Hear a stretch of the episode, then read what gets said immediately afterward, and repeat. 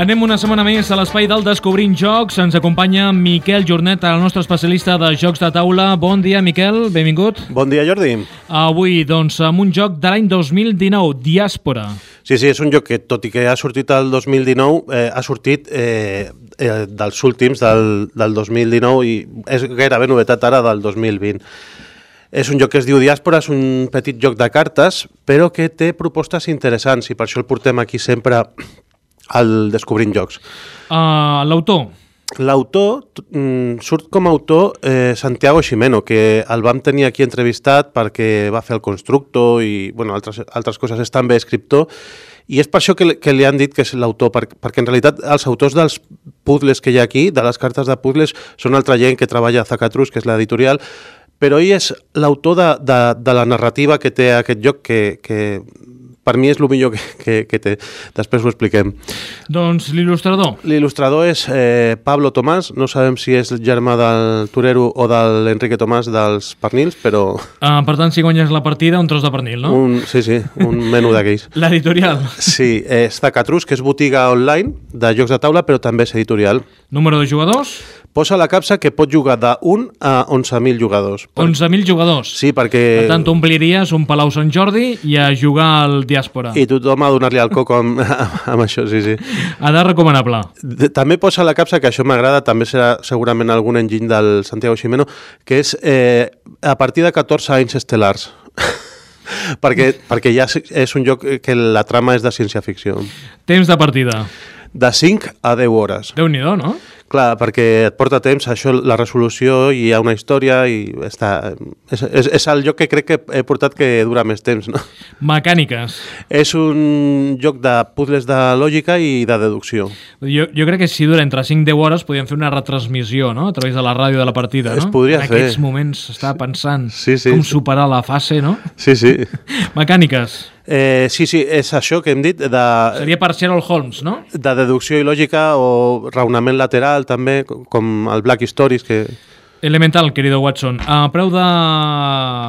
De venda? Sí. Surt per uns 6 euros. Sí. què, què més voleu? 6 euros i podeu jugar fins a 10 hores i podeu jugar 11.000. Això és... De tota una població sencera podria jugar aquest joc. Sí, això, això està bé. Es queda a la plaça del, de la, del poble i, sí, i a jugar. Sí. Fins i tot Zacatrus, que és una botiga, eh, quan tenia alguna promoció, que quan feies una comanda que superava X euros de, de, en jocs, et posaven aquest de regal. Eh, però bueno, si no, el, el seu preu són 6 euros. Uh, la nota? De moment té un 8,1 a la Board Game Geek. A qui agradarà aquest joc? Doncs mira, Jordi, agradarà que jugadors i jugadores eh, que els agradi desxifrar puzzles o plantejaments de lògica.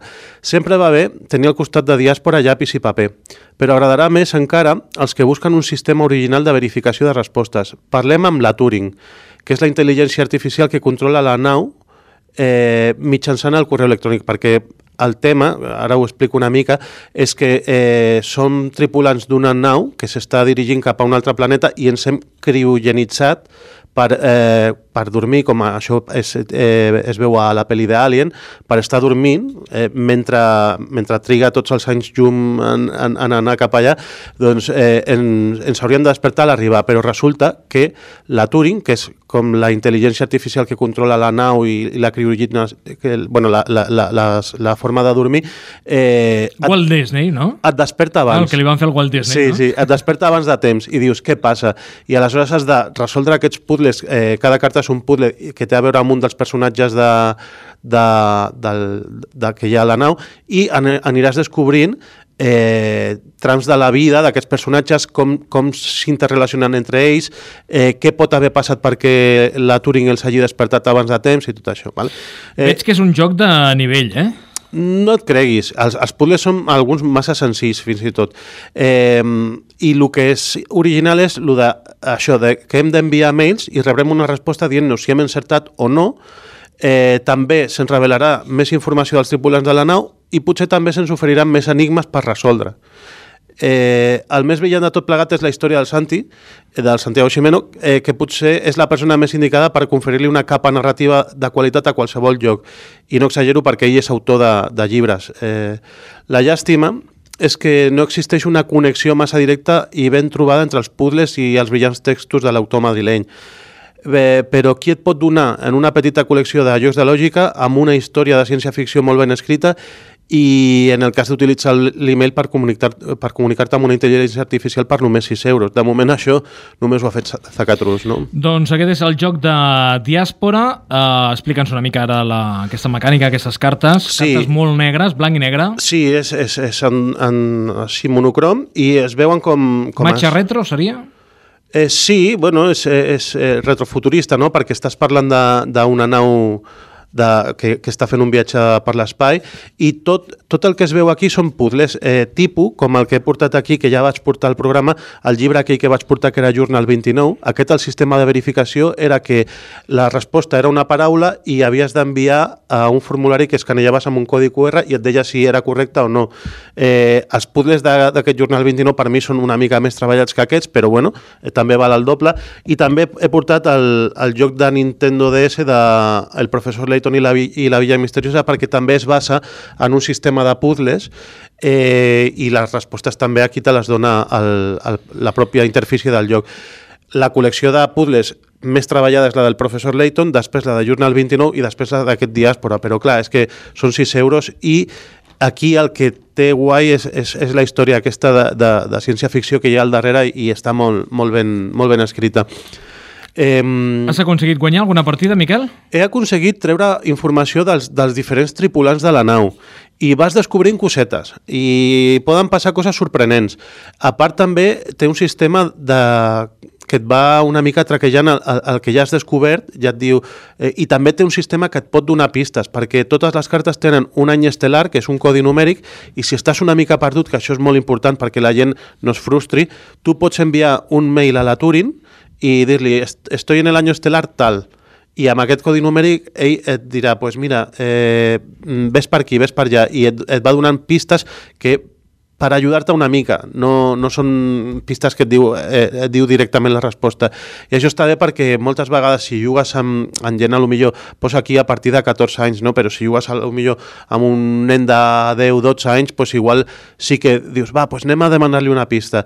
I és, el que està guai és això, que tu escrius un mail i han fet un sistema de resposta automàtica que en qüestió de, de res, d'un minut ja t'ha ja respost i sí que et dona la sensació de que t'estàs comunicant amb una màquina, que és el que, el que és interessant perquè és, eh, sembla que estiguis a, eh, eh, t'extrapoles una mica i dius, ostres, podria ser perfectament una nau, no? Est- estem a casa però amb el mòbil enviem eh, el mail o també amb l'ordinador l'enviem i, rebem la resposta, no? Ara que has dit Alan Turing, uh, o Turing, uh, Sí.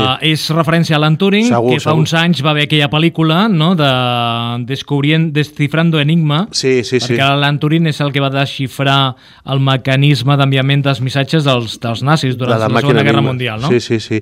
I, I és la referència aquesta. Tot... I per cert, el que va interpretar aquella pel·lícula, abans que hem fet referència a Sherlock Holmes, és l'actor que interpreta La sèrie. A, a Sherlock, eh? Sí, sí, a no, sèrie. no, no me'n recordo el nom, però sí, sí. És, eh, Benedict uh, Cumberbatch. Cumberbatch. Sí, sí, sí. Pues, eh, boníssim actor i boníssima la pel·li i boníssima la sèrie també.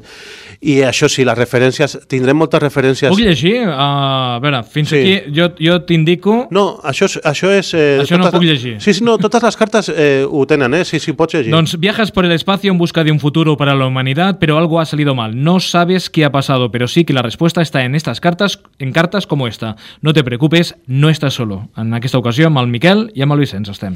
Correcte, sí, sí. Podríem, podríem per exemple... Bueno, veig que tot es posa el mateix ja dalt.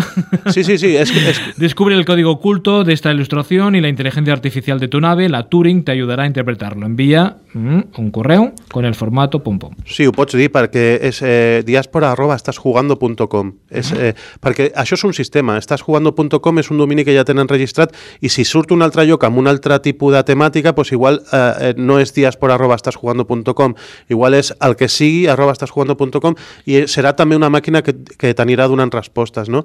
Eh, I bueno, eh, pots enviar... Eh, aquí diu, eh, por ejemplo, eh, dos puntos, 1, 2, 3, 4, dos puntos. Això, aquest codi, si ho envies a diaspora.estasjugando.com, ho, ho poden provar els oients, eh, posar a l'assumpte o directament al cos aquest eh, dos punts, 1, 2, 3, 4, dos punts, ho envies i rebràs una resposta que t'explicarà una mica més del joc. És curiós, eh, que estàs jugant amb un joc de cartes, però això sí, necessites internet, necessites wifi eh, per Necessites jugar. el mail, sí, sí, això és la hibridació que, que està tan de moda ara mateix. Doncs avui, Diàspora, la música que has escollit, Doncs mira- eh, Miquel, té molta relació, poca... Sí, per mi té molta i és l'escena, la música de l'escena d'Alien, de quan estan dormint a la nau i s'estan dirigint, que els hi passa el que els hi passa a aquests eh, tripulants de, de diàspora, que, que s'aixequen perquè alguna, ha, ha passat alguna cosa, no? I, i és la música d'aquesta escena.